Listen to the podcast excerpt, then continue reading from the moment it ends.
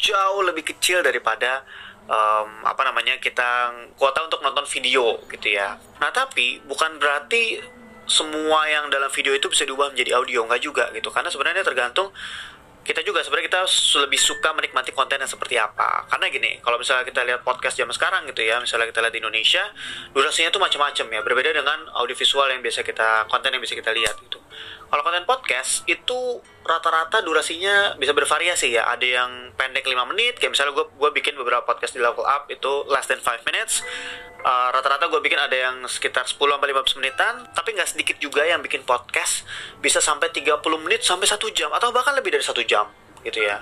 Nah kenapa kok orang durasinya panjang-panjang? Karena itu tadi kita nggak harus fokus terlalu lama ngeliat smartphone, kita bisa tinggal dengerin aja. Atau mungkin biasanya orang dengerin podcast itu tadi sambil mengerjakan pekerjaan lain.